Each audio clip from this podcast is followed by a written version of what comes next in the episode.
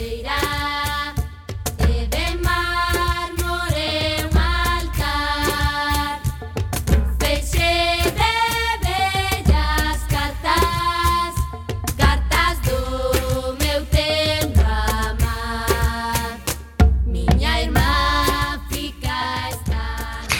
Ola, que tal, recendeiras e recendeiros? Benvidas e benvidos a este espazo radiofónico semanal dedicado á cultura que facemos en rigorosísimo directo todos os martes a iso das 7 da tarde, como agora mesmo, aquí en Coac FM no 103.4, a que é a Radio Comunitaria da Coruña.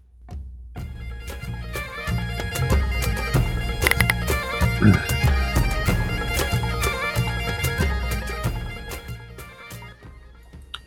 A Agrupación Cultural de Sandre Bóveda presenta este programa que podes escoitar en directo a través da internet na página emisora coacfm.org barra directo e tamén na aplicación móvil. E se non chegastes a tempo, non tendes excusa. Podedes descargar todos os programas xa emitidos en Radioco, o mega podcast da nosa emisora, tamén buscándonos en Google, en Google Podcast, ou tamén podedes escoitalo na redifusión de Quack FM, que será os mércores ás 8 da mañá, os venres ás 4 da tarde e na madrugada do domingo ao luns ás 12 da noite.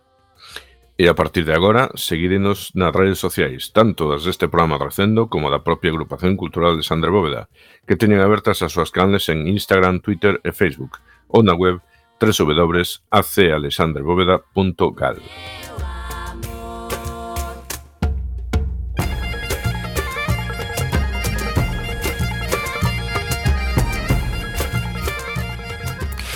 E xa sen máis imos caraló, comezar este programa que será o último deste ano e imos na procura desta fantástica aventura cultural con Roberto Catoira diante dos micrófonos e no control técnico e tamén, falando coa Manteira, Miguel Anxo Facal, tamén na locución. Iso, iso.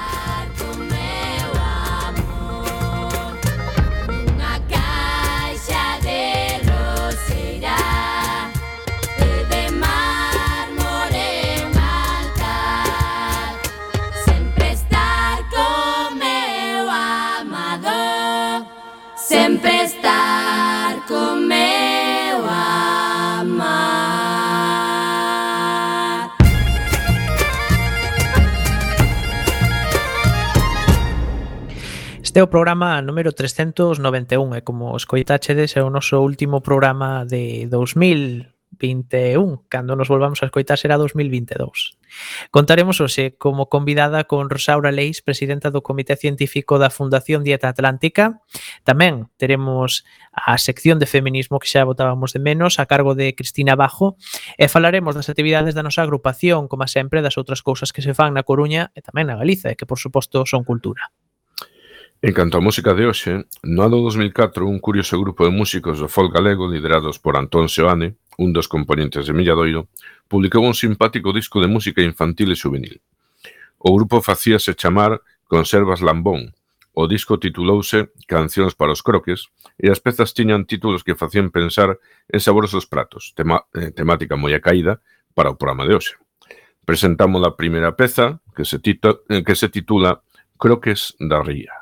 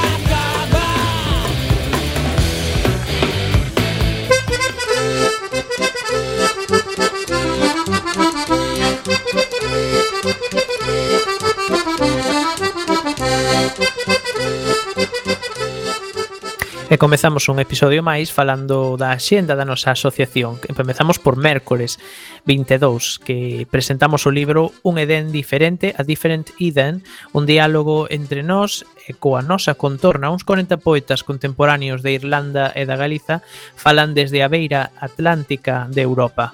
O libro contén poemas de Marilar Alexandre, Emilio Araúxo, Estevo Creus, Miriam Ferradás, Lúpez Gómez, Olga Novo, Pilar Pallarés, Chus Pato, Luz Pichel, Xavier Queipo, Manuel Rivas, Ana Romaní, Daniel Salgado, César Souto Vilanova e Dores Tembrás. E todo traducido por Keith Payne ao inglés e Isaac Xubín ao galego. Será ás 7 da tarde no noso local. Este xoves 23, Miguel Rodríguez Montavaro falarános da lingua e a cultura entre os ríos Eo e Navia. Miguel Rodríguez naceu en Boal, occidente asturiano, en 1990 é filólogo, escritor e músico asturiano que investiga e traballa na Universidade de Oviedo con contrato produtoral Severo Ochoa. A palestra é ás 19 horas no local de Olmos, 16-18, primeiro andar. O lunes 27 presentamos no noso local o libro de Carlos Callón A abertura de boca. Carlos Callón é profesor de Xeografía e Historia no Instituto Español de Lisboa, doutor en Filoloxía Galega e Portuguesa e presidente de Honrada Mesa pola Normalización Lingüística estará acompañado no acto pola poeta Yolanda Castaño, o psicanalista Manuel Fernández Blanco e a presidenta da Alexandre Bóveda María Xosé Bravo. Será a sete no noso local. E xa a semana que ven, porque lembrade que xa non volvemos ata Xaneiro, o mércores 29, ata ese día permanecerá aberta no noso local unha escolma da exposición Imaginando Cantares Gallegos. Trátase unha exposición da área de cultura da Deputación de Lugo realizada co gallo do 150 aniversario da publicación de Cantares Gallegos de Rosalía de Castro, na que se realiza unha homenaxe á literatura galega. Só é posible, no noso pequeno espazo, expoñer 11 ilustracións de, de oito artistas. Noemí López Vázquez, Xosé Cobas, Luz da Riba, Xavier de Sousa, Laura Ferreiro Adrio, Carmen González Pintos, Eduardo Bamonde e Almudena Aparicio Andión.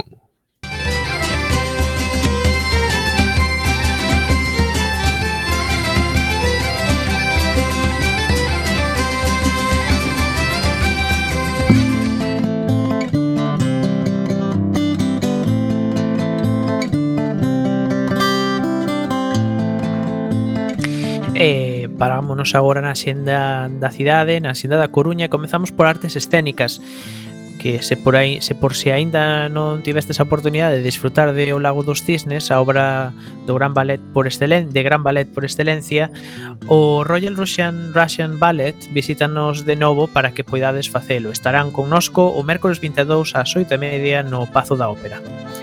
Como todos os anos, haberá un ciclo de monicreques nos últimos días de decembro. Todas as funcións serán ás 18 horas no Foro Metropolitano e os espectáculos que podedes ver son os seguintes. O domingo 26, Brancaneves e os Sete. O luns 27, Historias para unha man. O martes 28, Dona Barriga Verde. O mércores 29, Quero a Lúa. E por último, remata o xoves 30 con Niño, E agora falamos de música, así que tomade nota. A Orquesta Gaos presenta un concerto moi especial para este Nadal coas bandas sonoras de películas como Star Wars, Parque Xurásico, Harry Potter ou Batman, nun concerto no que non faltarán as sorpresas. Será o mércores 22 ás 8 no Teatro Colón. E de sorpresas tamén podemos falar no? Eh, concerto que estaba previsto do eh, grupo de tenores Il Divo, que iba a ser mañá mércores no? Coliseum. Xa había uns días que se falaba dun posible aplazamento e efectivamente eh, ese concerto aprazase ata o 15 de xullo, non sei se o sabedes porque un dos integrantes do, do grupo, Carlos Marín, o tenor español, eh, morreu aí uns días de COVID. E Rosa Cedrón presenta o seu novo disco Nómade, un caderno de bitácora que describe as luces e sombras percorridas nunha travesía de cara ao máis profundo da identidade propia. Será o martes 28 ás 8:30 no Teatro Rosalía de Castro. Un ano máis polo Nadal, visítanos a Strauss Festival Orquestra para facernos crer que estamos en Viena o día de Aninovo, escoitando as pezas máis célebres do Rei dos Valses.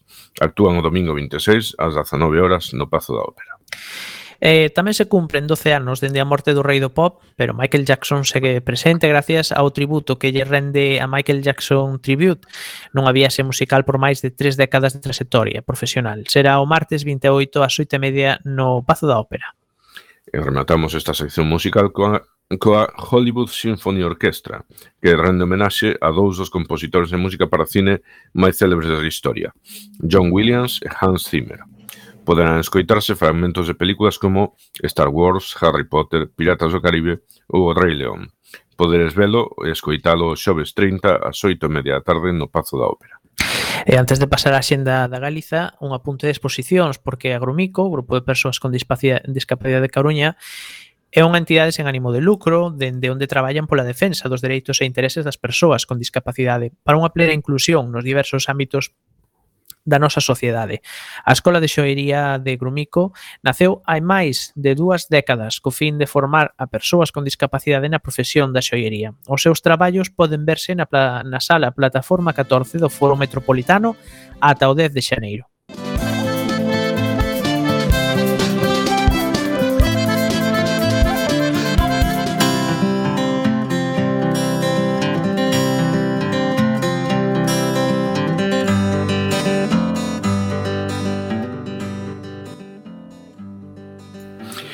Eh, pasamos á Xenda da Galiza. Comezamos pola cidade departamental, Ferrol. No seu décimo aniversario, o pai de Cacio regálalle un ovo cuxo inquilino está piques de sair do cascarón. Cando o parruliño nace, Cathy é incapaz de coidalo e os seus pais deciden desfacerse del. Entón, cando Cathy e a súa amiga Margot embarcanse nunha viaxe para salvar o parruliño, descubrindo cousas sobre si sí mesmas. Proxectase esta película, Aves de Paso, de Olivier Dringer, o domingo 26 ás 12 da mañá no cine Petis Duplex. O Ballet Nacional Ruso fundase en 1989 cando o lendario artista ou solista Sergei Redchenko intenta formar unha compañía que reunira os elementos máis clásicos das grandes compañías Kirov e Bolshoi. Representan o Lago dos Cines hoxe martes 21 ás, no... ás 8 e media no Auditorio Municipal Gustavo Freire de Lugo.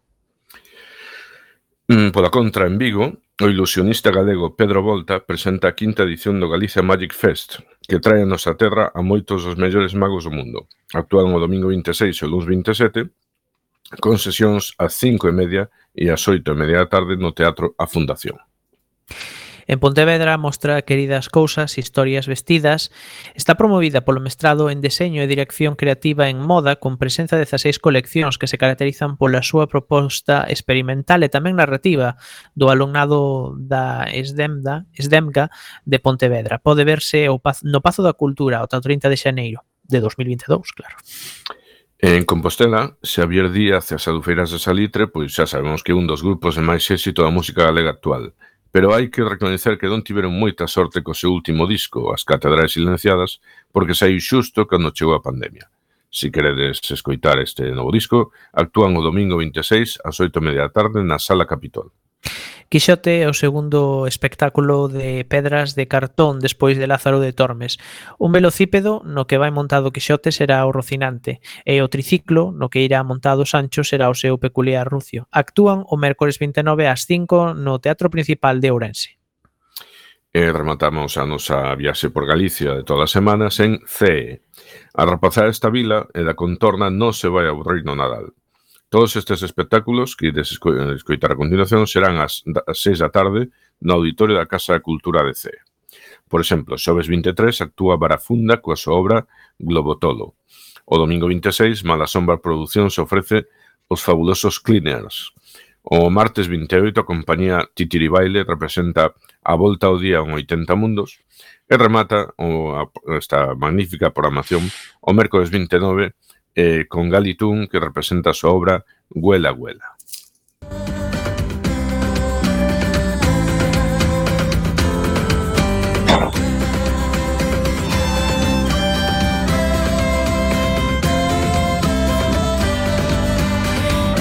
Hoxe adicamos o programa a un tema moi acaído para as festas nas que andamos metidos. Estas son festas de paparotas e de excesos, aínda que non podemos controlar o que comedes, nin case queremos.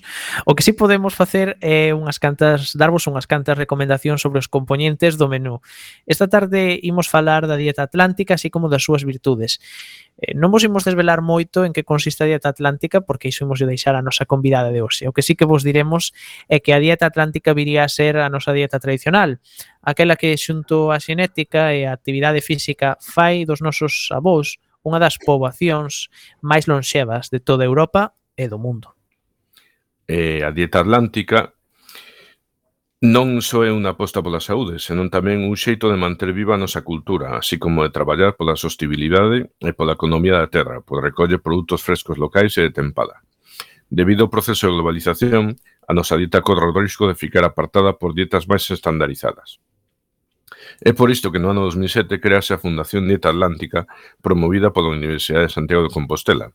Entre os seus objetivos, además da difusión na dieta atlántica, está o asesoramento, os estudos de mercado e consumo, a acreditación dos produtos pertencentes á dieta atlántica ou a mellora das cualidades organolépticas dos nosos produtos, así como outros tantos objetivos dos que falaremos ao longo do programa para descubrirnos os segredos da dieta atlántica, en representación da Fundación Dieta Atlántica e o seu comité científico, contamos hoxe nada máis e nada menos que coa profesora e doutora Rosaura Leis. Moi boa tarde, Rosaura. Hola, boa tarde. Eh, un placer, un grandísimo placer para todos nós que estás connosco hoxe, que nos eh, ilustres sobre este tema, porque Mm, temos que recoñecer que cando mm, soubemos a asistencia da Fundación Dita Atlántica, que tristemente aínda foi aí pouco, dixemos, isto ten que ser moi interesante. Entón, eh, para comezar, cando falamos de Dita Atlántica, de que estamos a falar en concreto? Mira, eh, vou empezar dicíndote unha frase que, que comentaba outro día unha persona que gustoume moito, é a nosa. Que é a dieta atlántica? A dieta atlántica é a nosa, a dieta atlántica dos nosos avós, é a que comemos de nenos, non? Eh, sobre todo os que somos xa un pouquiños máis, máis maiores, porque, por desgracia, os nosos nenos se están abandonando agora o que é a dieta atlántica tradicional. Desde un punto de vista, digamos, máis científico, a dieta atlántica é a dieta que teñen aqueles países que están bañados polo Atlántico, pero o máximo exponente desta dieta son Galicia e o norte de Portugal. Esa dieta eh, fixo, xunto con, como ben explicades vos ao principio, xunto coa nosa xenética, que sin ninguna dúbida ten moito que decir, xunto ca mellora da calidade de vida, xunto ca mellora sanitaria, socioeconómica, cos nosos avós, sexan hoxe dos máis lonxevos e sobre todo os que teñen unha, unha mellor calidade de vida. Por tanto, mm, eso é o que a dieta atlántica, a que recoñeceríamos calquera de nós, un pouco a veces cando un entra en, e, e vei un cheiro e di, ui, isto é casi, cheirame a, a cando me, a miña boa facía, cheirame a cando eu chegaba a casa e comía. Esa é a nosa dieta. Eh, que efectivamente, por que se caracteriza a dieta atlántica, non?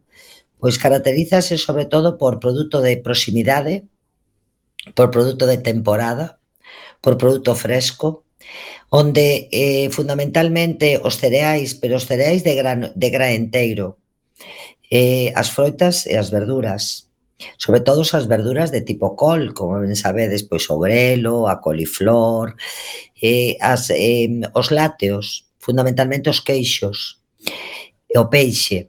O peixe probablemente sea a estrela da nosa dieta atlántica, o alto consumo de peixe e de produtos do mar, pero non só do mar, tamén dos ríos, Tiñemos importantes cotos pesqueiros na nosa comunidade, non? Eh, a nosa carne, a nosa carne que non é eh, non ten a composición nutricional do que fai pouco todavía veíamos nos medios da carne roxa, os efectos perxudiciais que teña a carne roxa a nosa terneira, que, se, que é unha é unha terneira xoven que se mata xoven que está alimentada co leite da súa nai e despois non está sometida a cebamento, senón que come de pastos, ten unha composición nutricional moito máis saudable. Evidentemente, consumímola nunhas cantidades eh, moderadas, non máis de dúas veces a semana. Non? Eh, as legumes.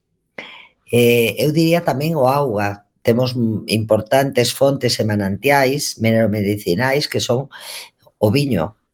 O noso viño que tamén ten componentes funcionais importantes que consumimos con moderación, sobre todo nas comidas.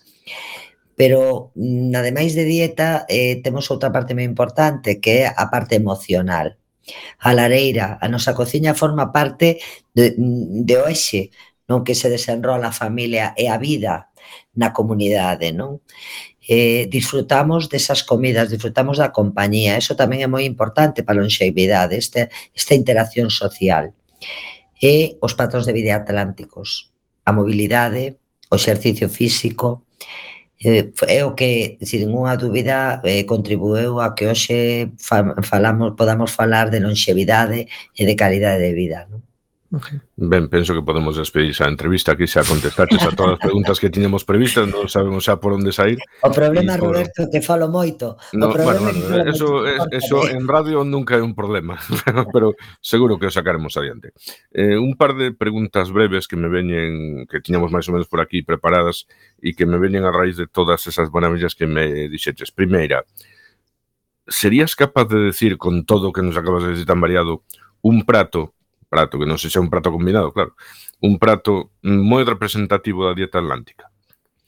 Pois mira, eu Pero podría, un, eh, podría un, decirte eh, ocurreseme a merluza galega, porque aí temos a combinación dun peixe con unha salsa que é allada, Eh, outro, o típico tamén das nosas salsas é que son salsas, por exemplo, a hallada está, está composta de aceite de oliva, que é un importante alimento tamén porque aporta até o que chamamos os ácidos grasos monoinsaturados, o oleico, que é moi importante para a saúde cardiovascular, o peixe, a propia merluza, eh, aporta ácidos grasos omega 3, que sabemos que son importantes para o desenrolo cerebral e da retina e tamén para eh, o, a saúde cardiovascular.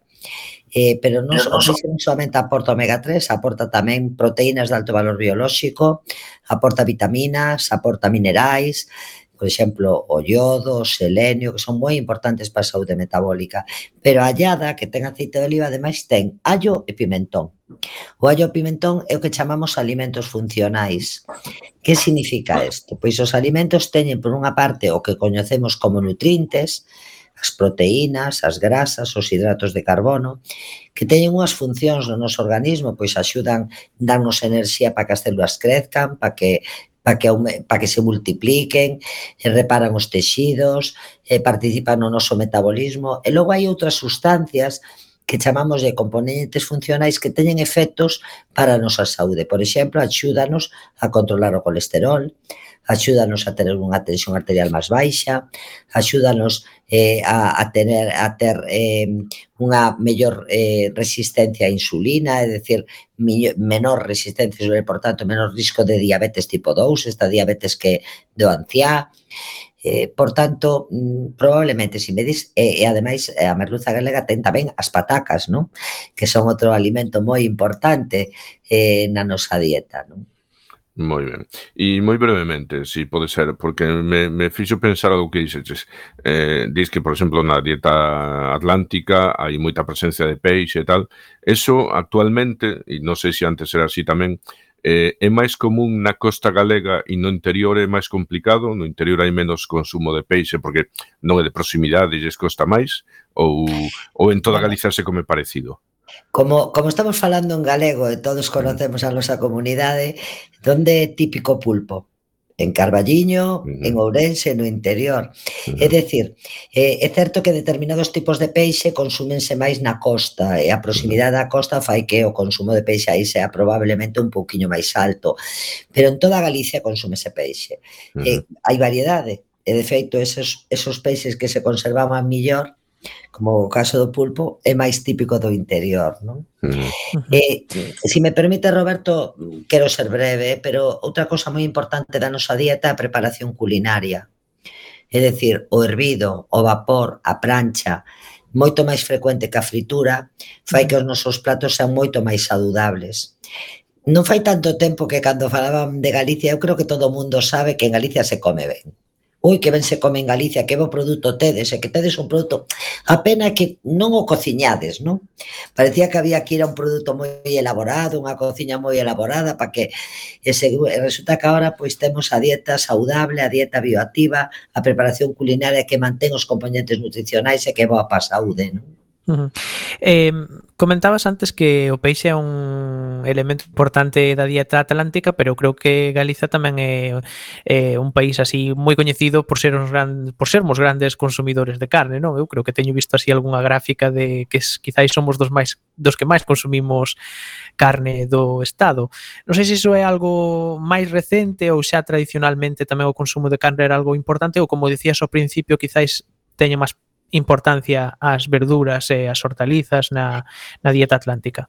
Bueno, o, o consumo de unha cousa é o que a dieta atlántica tradicional, como decíamos ao principio, é dicir, o que consumían os nosos avós, e outra cousa como cambiou ese consumo, mm. como está cambiando o consumo, non? Efectivamente, eh, en Galicia eh, consumíase tamén carne, sobre todo carne, digo, repito, de terneira, que ten unha composición nutricional distinta ao que conocemos tradicionalmente como a carne roxa, a carne máis de vaca, máis feita, consumíase, consumíase porco, pero non se consumía en grandes cantidades nin con moita frecuencia, ah. non se superaba os dous días a semana. A mí, uh -huh. eu Poño a veces un exemplo que cando falamos, a veces, uh, pois se antes consumíase moitísima grasa, se tomábase o unto, botábase o unto no, no caldo.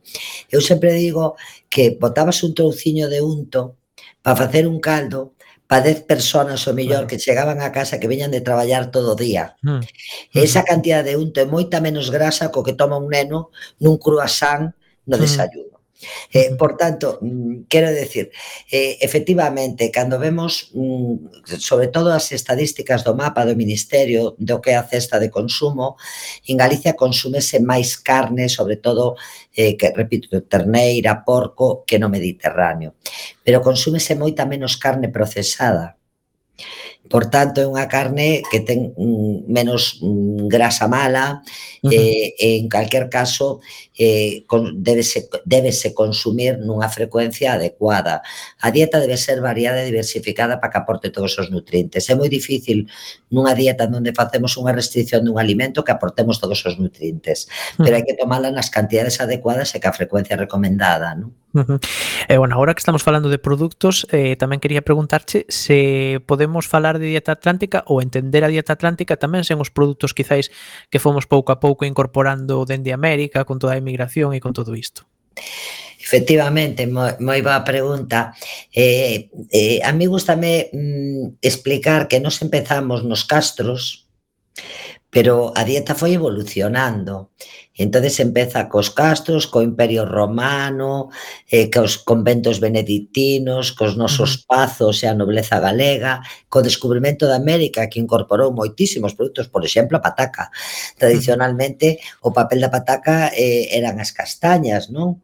O que a castaña era o que se utilizaba para facer fariña, é o que se utilizaba eh, mm, a dieta evoluciona eh, pero eh, seguimos falando de dieta tradicional cando falamos dos produtos que viñeron da América, non? Incluso a nosa migración a América tamén incorporou produtos á nosa dieta, non?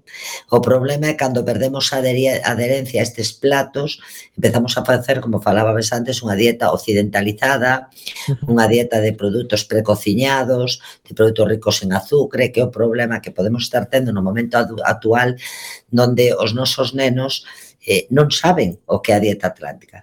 Cando nós lle decimos po que decía eu antes, é a nosa. Seguro que un neno de sete anos non ten moi claro cal é a nosa. Se é, se é non quero decir nombres de platos, non, pero eh, eh se é un plato concreto, que eso sea o noso. Claro. Eso é unha, unha dieta máis globalizada. Eh, e, e sen querer demonizar a nada, debemos ser capaces de transmitir a nosa cultura. Falaba do, eh, que fixeches unha introducción moi bonita os dous, non? É dicir, eh, a nosa dieta é, é a nosa cultura tamén, é a nosa tradición, eh, forma parte de, de nos mesmos. Eh, perder as recetas, perder os platos tradicionais é que, é que sería, sería unha pena terrible, por eso eu creo que é moi importante incorporar no currículum escolar, incorporar na escola desde moi pequenos o que os estilos de vida saudables atlánticos. Pero eso non significa darlle unha clase de bioloxía de que son as proteínas, que son a grasa, que son as azúcares. Son con neno sepa diseñar un menú sepa como se fai un plato, sepa que como pode mirar un etiquetado, e se come unha cousa no comedor, chegar a casa e dicir, mira mamá, para facer a cena debo comer, porque para pa facer a dieta, recuperar en familia, eu creo que este confinamento que ten moitas, moitísimas cousas malas, pudo ter algo bo, que vamos a compartir, vamos a aproveitar este tempo para recuperar da boa como se fai este plato e vamos a facelo xuntos, Vamos hmm. a facer actividade xunta. Eh, xunta. Antes que falabas de que fixemos unha introdución maravillosa, vamos a saudar ao noso compañeiro Javier Pereira que é o encargado de facer a introdución non deste episodio, senón dos outros tamén. Así que un saúdo tamén para el, que non se leo. No... eh, pero antes falabas e eh, que mencionaches moitas cousas, non? Decías que os nenos agora pois igual non saben identificar moi ben o que é a dieta atlántica. Eh, queda tamén entón moito por comunicar e moito tamén igual moita pedagogía que facer nas escolas por exemplo. Queda moito, queda moito por comunicar, porque tamén o decíades vos, Roberto, me parece que o decía antes, que da asistencia da fundación fai pouco que supeche desde ela. Está desde os 2007, pero previo á a creación da fundación, pois o profesor Rafael Tojo, que era o meu maestro, e o profesor Aniceto Charro, facían xa en Bayona eh, eh, workshops internacionais para promocionar a dieta atlántica. É curioso que en Galicia a xente na calle ainda che diga é que eso da dieta atlántica, pero que vai a ser? é a nosa. Eu, eu mm, creo que podemos decir con satisfacción que nestes momentos xa a nivel nacional, diría que internacional, xa se fala de dieta atlántica. Temos xa publicacións científicas de impacto, donde se demostra eh, os beneficios que ten para a saúde. Pero non solamente para a saúde do individuo, tamén o decíades vos, para a saúde medioambiental. Hai unhas mm. publicacións moi boas en revistas moi importantes do grupo do profesor Guimersindo Feijó, da nosa universidade, en donde comparando a dieta atlántica con outras dietas do mundo, demostra que unha das que teñen a menor pegada de carbono e pegada hídrica. Por tanto, é saudable para o individuo e saudable para o medio ambiente, non?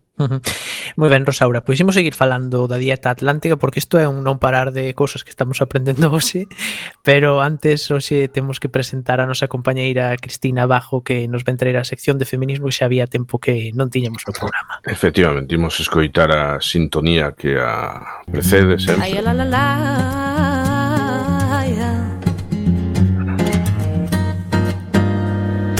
Ai, santa muller que me escoitas Escoita ben Moi boa tarde, boa tarde. Cristina, que tal? Por fin. Por... fin, xa tiña ganas. Boa tarde. Así acumulanse os temas. Uf, sí, sí, sí. Ademais, bueno, eh, xa que non estive ao redor do BITE 5N, eh, si que quero aproveitar eh, este día para, para centrarme na parte da violencia machista, Onte eh, vivín unha situación que foi terrorífica, pero tamén foi inspiradora, porque estiven cun grupo de negacionistas da, da violencia machista, eh, rapaces e rapazas de 16, 17 anos que negaban que existera, existise a violencia machista. Entón, isto, cando digo que me inspirou, levoume a pensar nestas, nestas cenas e comidas de Nadal cando te toca cura do cuñado, Hmm. Entón, cando hai unha feminista na mesa, ou un home feminista, a figura do cuñado xa ven con toda a batería de bulos e de cousas que onte neste grupo de adolescentes saiu constantemente, que en realidade estaban reproducindo o discurso de Vox. Hmm. Entón, bueno, pois para, para que a xente poda levar eh, unha serie de, xa de baterías de, de zascas, pois vou ler eh, a realidade. Entón, bueno, eh, primeira, primeira idea fundamental é que feminismo non é contrario do machismo, que a violencia machista existe e por iso mismo levamos este ano o número de mulleres asesinadas e de fillos e fillas asesinadas a mans dos seus pais, a chamada violencia machista, as denuncias falsas, querido cuñao, son un 0,01 según Naciones Unidas eh, e eh, non se poñen 350 eh, denuncias falsas ao día no Estado español, como están dicindo, dende de determinada corrente. Eh, non se suicidan 200 homes eh, todos os anos eh, por culpa de denuncias falsas. Eh, os xuzgados de violencia machista non se montaron para que os agresores non se, non se tiraran o vacío. Eh, non existe ninguna campaña por parte do feminismo contra o xedrez por pensar que é un xogo machista. Eh, ninguna feminista eh, cree que tirar a un bebé ao lixo sexa un dereito. Eh, Irene Montero non plantexa en ningún momento que teñamos que dar aparcamentos exclu eh, exclusivos para mulleres a metade dos, dos asesinos de, de mulleres ou, de, ou dos seus fillos e fillas non son migrantes. Eh, as persoas migrantes que cometen eh, violencia machista é moi menor comparado cos españois. Eh, non se suicidan tampouco ano 4.000 homes porque non poden ver os seus fillos eh, e as súas fillas. E tamén é mentira que o 65% dos secuestros de ah. fillos ou fillas sexa a mans das súas nais. E tamén outro tema que vai sair seguro nas cenas e comidas de Nadal é a nova lei de el só, sí e sí. Cando saiu o borrador do só e sí e sí, xa saiu eh, estos, estos señoros dicindo que de agora en adiante para poder manter unha relación sexual terían que firmar eh, un documento, porque así logo non o puderan eh, denunciar. Falso totalmente. Eh, tampouco agora con esta lei eh, unha muller, porque lle chames guapa, vaiche poder poñer unha denuncia. Entonces, por isto e por moito máis, eu convido a toda a xente que nos está escoitando a que cando chegue este momento levantedes o, va o vaso e brindedes dicindo feminismo ou barbarie. Eh, bueno, eh, vamos apuntar a iso, Cristina. Moitísimas grazas por ah. recordarnos todas estas cosas que son bastante importantes e que que eh, simplifican bastante un pouco a situación na que estamos, resumen, iba a decir, a, a situación na que estamos vivindo, ¿no? E, e tiven que reducir moitísimo, porque de verdad mm. que foron, foron dúas horas moi intensas, eh? De escoitar barbaridades e cousas que se supoñía que xa tiñamos superadas. Ainda queda moito traballo aparte, por facer tamén isto. Aparte da importancia da tua mensaxe, eh, montar un frente anticuñados de Nadal tamén estaba ben. Pero, eh, por, por, toda a razón, non só por esa, non? Pero, pero, pero hai, que, hai que empezar a pensalo xa. Bueno, eh, gracias e que teñades un bon Nadal. Igualmente, Igualmente, Cristina, que teñas Venga. un moi boas festas. Hasta logo. Venga chao, chao. Hasta logo. Eh, seguimos con Rosaura, entón, seguimos falando da dieta atlántica, a dieta atlántica que na que levamos vivindo hai tempo, agora se cadra un pouco menos, por desgracia, eh, pero que queremos coñecer mellor. Mm, eh, decías antes que a dieta atlántica non só son os, mm, os produtos en sí, que en Galicia son de muitísima calidade, sino que eh, poderemos incluir dentro os diferentes xeitos de preparar a comida, non? Eh, cales son os métodos de preparación que forman parte da dieta atlántica?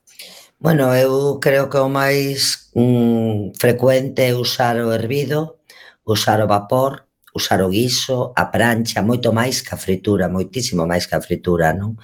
Iso é moi característico.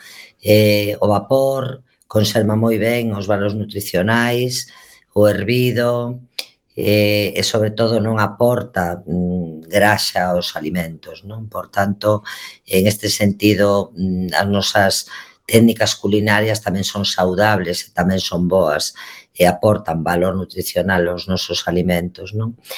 Eh, eu tamén destacaría o inxenio na preparación dos pratos, non? eh, bueno, cada día máis, ademais porque temos grandes cociñeiros e cociñeiras non? Na, na, na dieta atlántica, na nosa comida tradicional. Eh, eu diría que eh, era ben sabido desde fai anos que en Galicia se comía ben, uh -huh. que o produto galego era moi bo produto, pero que temos que ser capaz de transmitir é que eh, o estilo de vida atlántico eh, foi quen de millorar a, a esperanza de vida e a calidade de vida. E que efectivamente temos a fortuna de vivir nun país donde temos dous mares, o Mediterráneo que ten unha dieta eh, transmitida xa é unha dieta coñecida pola súa eh, salubridade, digamos, pola súa capacidade de, de prevenir a enfermedade, e temos outro lado o Atlántico con diferencias ca dieta atlántica, a dieta mediterránea que ten eh, importantes valores nutricionales e saudables tamén, non?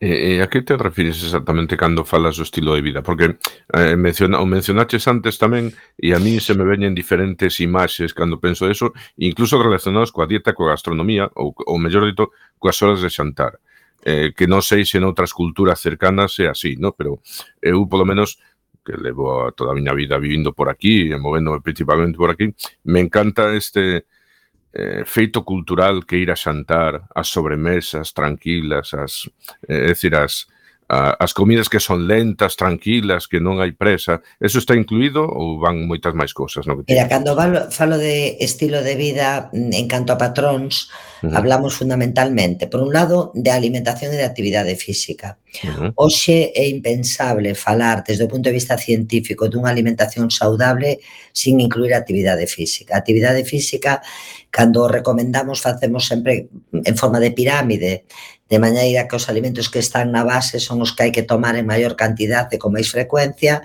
e a medida que vamos hacia o vértice da pirámide os que hai que tomar en menor cantidad e con menor frecuencia. A base desa pirámide hoxe en todas as sociedades científicas a actividade física. O noso urbanismo, a nosa distribución das aldeas, a nosa forma de vida fai que a actividade física este incorporada a vida diaria. Se si falamos cos nosos avós, e ti canto andabas o día? Pois hasta para ir ás festas iban a pé, e o mellor andaban 20 kilómetros para ir a ver a moza, ¿no? Hmm. Mm. Eh, a eso me refiro en canto, por un lado, ao que é patrón mm. da actividade física o ocio.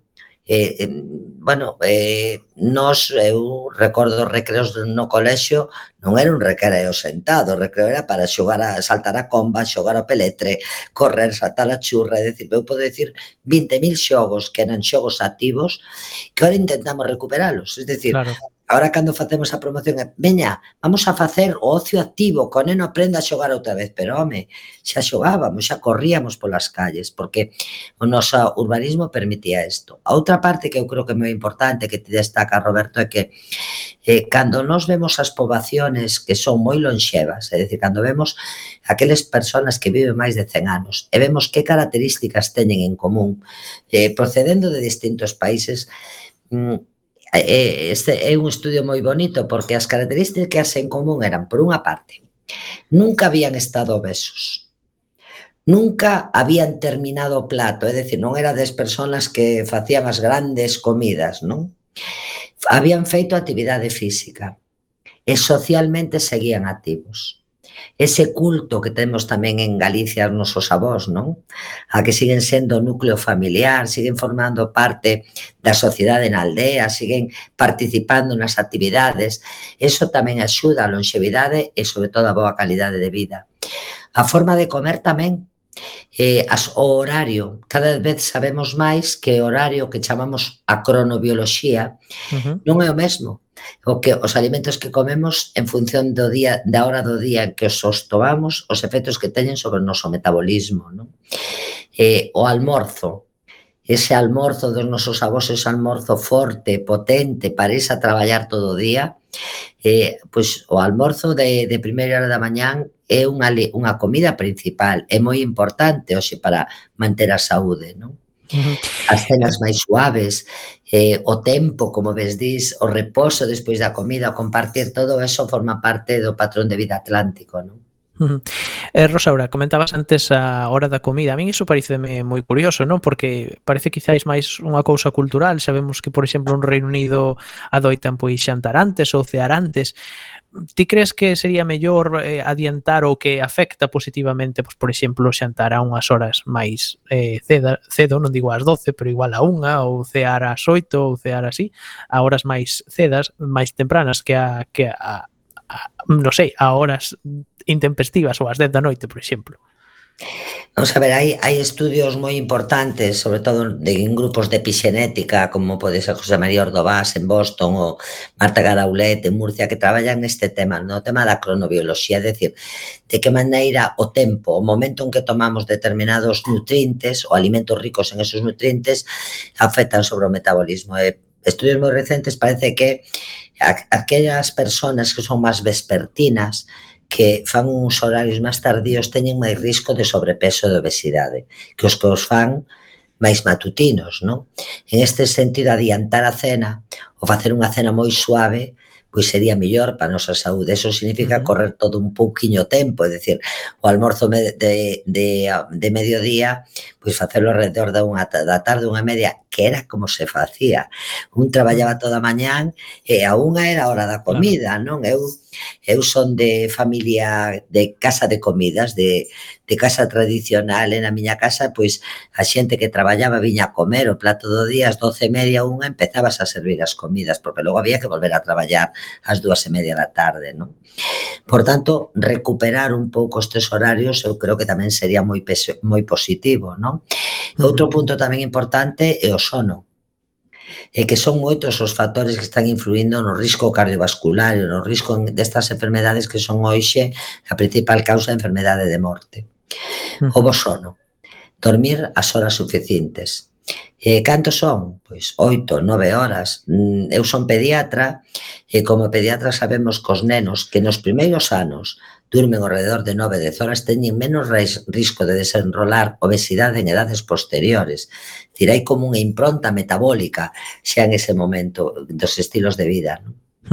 Vai, que a dieta tamén inclúe outros moitos factores como os estilos de vida que tamén van decidir moi importante, teñen un peso moi importante na nosa saúde, non? Eh, falabas antes tamén pois iso de alimentarse correctamente e supoño que todos estamos pensando un pouco así na fast food, que eso temos que descartalo. Estaba pensando agora, por exemplo, non sei que che parecen preparacións galegas como as, as empanadas, que igual podemos decir que son a fast food galega. Ti que opinas? Bueno, eu a fast food eh, por que non o fast food e a merluza a galega? porque canto tempo se te cheva hervir hervir unha merluza ou unha merluza ou o peixe que sexa, non? Canto teva, tempo leva a facer unhas legumbres. Eh, en realidad, a nosa empanada A nosa empanada, pois probablemente sea o fast food tamén. A empanada leva máis tempo facela, pero digamos xa tes podes tela elaborada un tempo e nesta nesta obtención de comida rápida forma parte. Eu, eu creo que hai que destacar dúas cousas. Cando un eh, evalúa unha dieta, evalúa a saúde e a través dunha dieta non significa que todos os componentes da súa dieta ou todas o que son as tradicións culinarias da súa dieta sean todas boísimas, saudables e para abusar delas. Non, é o conxunto da dieta o que é saudable. É dicir, eh, que entonces, mm, por exemplo, como peixe vou a comer peixe sete días. Bueno, non, a recomendación da dieta é que o peixe hai que tomar tres ou catro racións de peixe a semana, que a carne debense tomar dous ou tres como moito, eh, que as legumes deben aportar dous ou tres veces a semana tamén ou catro, que a verdura e a froita debe tomarse todos os días, é dicir, é mm, unha, unha, o que chamamos as leyes da nutrición, a lei da cantidade, hai que comer en cantidad suficiente, pero non máis, uh -huh. eh, a lei da calidade, hai que tomar vos produtos que aporten todos os nutrientes. A lei do equilibrio, hai que manter un equilibrio entre os nutrientes porque uns interfiren con outros e a lei da adecuación. É dicir, a dieta eh, debe estar adecuada á edad, ao sexo, ao estado de saúde eh, e eh, enfermedade e ao grado de actividade física que practica un.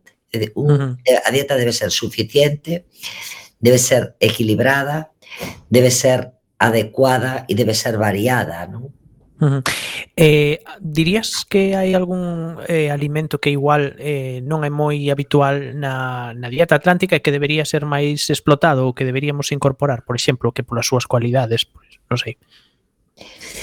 Bueno, non sei moi ben eh, como eu diría que o que temos que facer é que non podemos perdela porque a estamos perdendo. Fai uns anos a FAO eh, pois Mm, presentou a alerta de que no Mediterráneo estábase perdendo a dieta mediterránea. E, pois a dieta atlántica tamén, porque a perdemos. De feito, neste momento, cando estudiamos as cifras da gran pandemia que a obesidade, o sobrepeso, obesidade infantil, os países que presentan máis obesidade infantil son os países do sur de Europa, é dicir, os países que en teoría teñen dietas saudables. Uh -huh. Neste sentido, que temos que hacer? Pois temos que recuperar a nosa dieta, temos que volver ás, as recetas tradicionais, a noso, a noso estilo de vida. Non? Uh -huh. E se nos referemos aos nenos, pois os nenos non toman o peixe que teñen que tomar, os nenos non non están tomando a cantidad de lácteos que teñen que tomar, porque os lácteos sustituínos por outras bebidas, non? Eh, tamén, se me permites destacar, que a veces por modas, que a veces por informacións de internet, por fake mm. news, Por isto eh, que chaman superalimentos, non? Por exemplo. O que se chaman superalimentos ou, ou as tendencias de que este alimento é malo ou son, eu son alérxico a isto, xa me dou conta que efectivamente eu sentíame así por isto. Repetir que cando quitamos un alimento da dieta, non estamos quitando só os alimentos, estamos cambiando o noso patrón alimentario. E, por tanto, é moi importante que, antes de facer isto, haya un diagnóstico médico que nos indique que debe ser así e un consello un consello de un profesional que nos axuda a facer unha dieta variada e diversificada. Non? Uh -huh. Um, eu quería preguntarche tamén, porque ata agora estivemos falando tamén moito dos estudos e do que se incide tamén coa dieta mediterránea, non? Que é unha gran coñecida no Estado español e faise moita publicidade con ela. Por que é máis coñecida a dieta mediterránea que igual que a atlántica, que realmente aquí debería estar como máis, non sei, difundida, non? Porque ao final temos o que dicías antes, o Atlántico a beira. As, bueno, estamos é, deitados frente ao Atlántico, como dicía o poeta. É certo que xa nos anos 50, eh, Kiss, un americano, foi a Creta a estudiar por qué nesa población de Creta pois mm, había menos infarto, menos infarto agudo de miocardio, menos enfermedade cardiovascular, entre outros factores, pois encontrou o papel da dieta, sobre todo do aceite de oliva, non? Eh, isto se publicou en revistas científicas, en estos momentos a dieta mediterránea é patrimonio material de la, da humanidade, digamos, está como máis coñecida a nivel eh, internacional, porque por, por a evidencia científica que, que empeza a ter detrás eh, foi moi posterior cando, se, cando empezamos a falar da dieta atlántica dos efectos para a saúde, non? Por eso mm, probablemente sea menos coñecido incluso entre nós. Mm. Eh, é curioso, a veces escuetas un galego de que a nosa, a nosa dieta mediterránea é moi boa. Non, a dieta mediterránea do Atlántico, non? O sea, mm, é a nosa dieta atlántica, non? Mm. Ben, eh, a conversa é fantástica, pero tristemente nos quedan dous, tres minutos de entrevista, máis ben dous, e temos que ir abreviando e tal. Vamos a preguntar aquí unas cousiñas breves e, e intenta, na medida do posible, pues, a, afinar a puntería na medida do posible. Eh, ainda nos queda a media entrevista por facer, pero así escolmando un pouco que nos fixo Javier, que o mencionamos antes, eh, creo que hai aquí algunhas cousas moi interesantes. Onde está máis viva a dieta atlántica? nos fogares, nos establecementos de hostelería, nos comedores escolares ou nos hospitais? Uf, que difícil. Dos Pero minutos, casi recorda. diría, eh, eh, casi Pixemos diría neste, a pregunta difícil ao final. Casi diría neste momento nos comedores escolares. Uh -huh. Mm. Neste a pesar, momento. a pesar da fama que teñen. A pesar, a pesar da fama que teñen. Uh -huh. eh, mm, fai anos xa que desde a Consellería de Educación hai na, na páxina web eh, uns menús saudables nos, no comedor escolar que sirven de asesoramento, de información que están basados en dieta atlántica que foron elaborados para o xa do 2001 eh, polo profesor Rafael Tojo e por migo mesma, non? Uh -huh. Uh -huh. Moi ben. E como estamos xa no tempo de desconto, unha pregunta que é moi acaída xusto neste momento.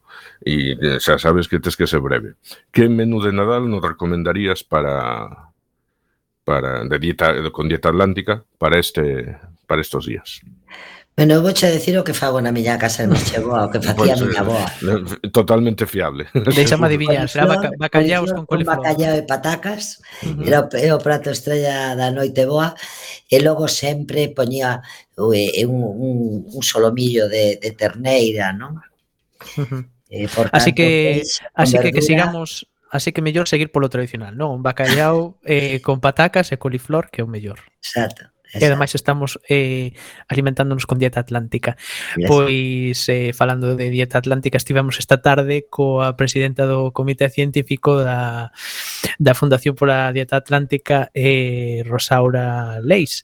Moitísimas eh, gracias por invitarme a estar con vos. Nada, foi un placer estar contigo e grazas por aceptar a, o convite e por estar esta hora aquí connosco falando radio en Coaque FM. Me encantada. E sen tempo para máis Odiseas imos chegando a fin deste camiño deste recendo. Despedimos o programa de hoxe agradecendo aos nosos convidados que como sempre foron de honra, ou se xa o dicíamos, Rosaura Leis, Comité Científico pola Dieta da Dieta Atlante Fundación Dieta Atlántica e Cristina Bajo coa súa sección de feminismo. E agradecendo a semente pedra angular de todo, o noso comando equipo de produción formado por Javier Pereira, Gemma Millán e Roberto Catoira. Aquí estivemos eu mesmo, Roberto Catoira nos controis e co dentro do micrófono Miguel Anxo Facal. E Roberto Catoira tamén nos controis eh, técnicos e audixo de...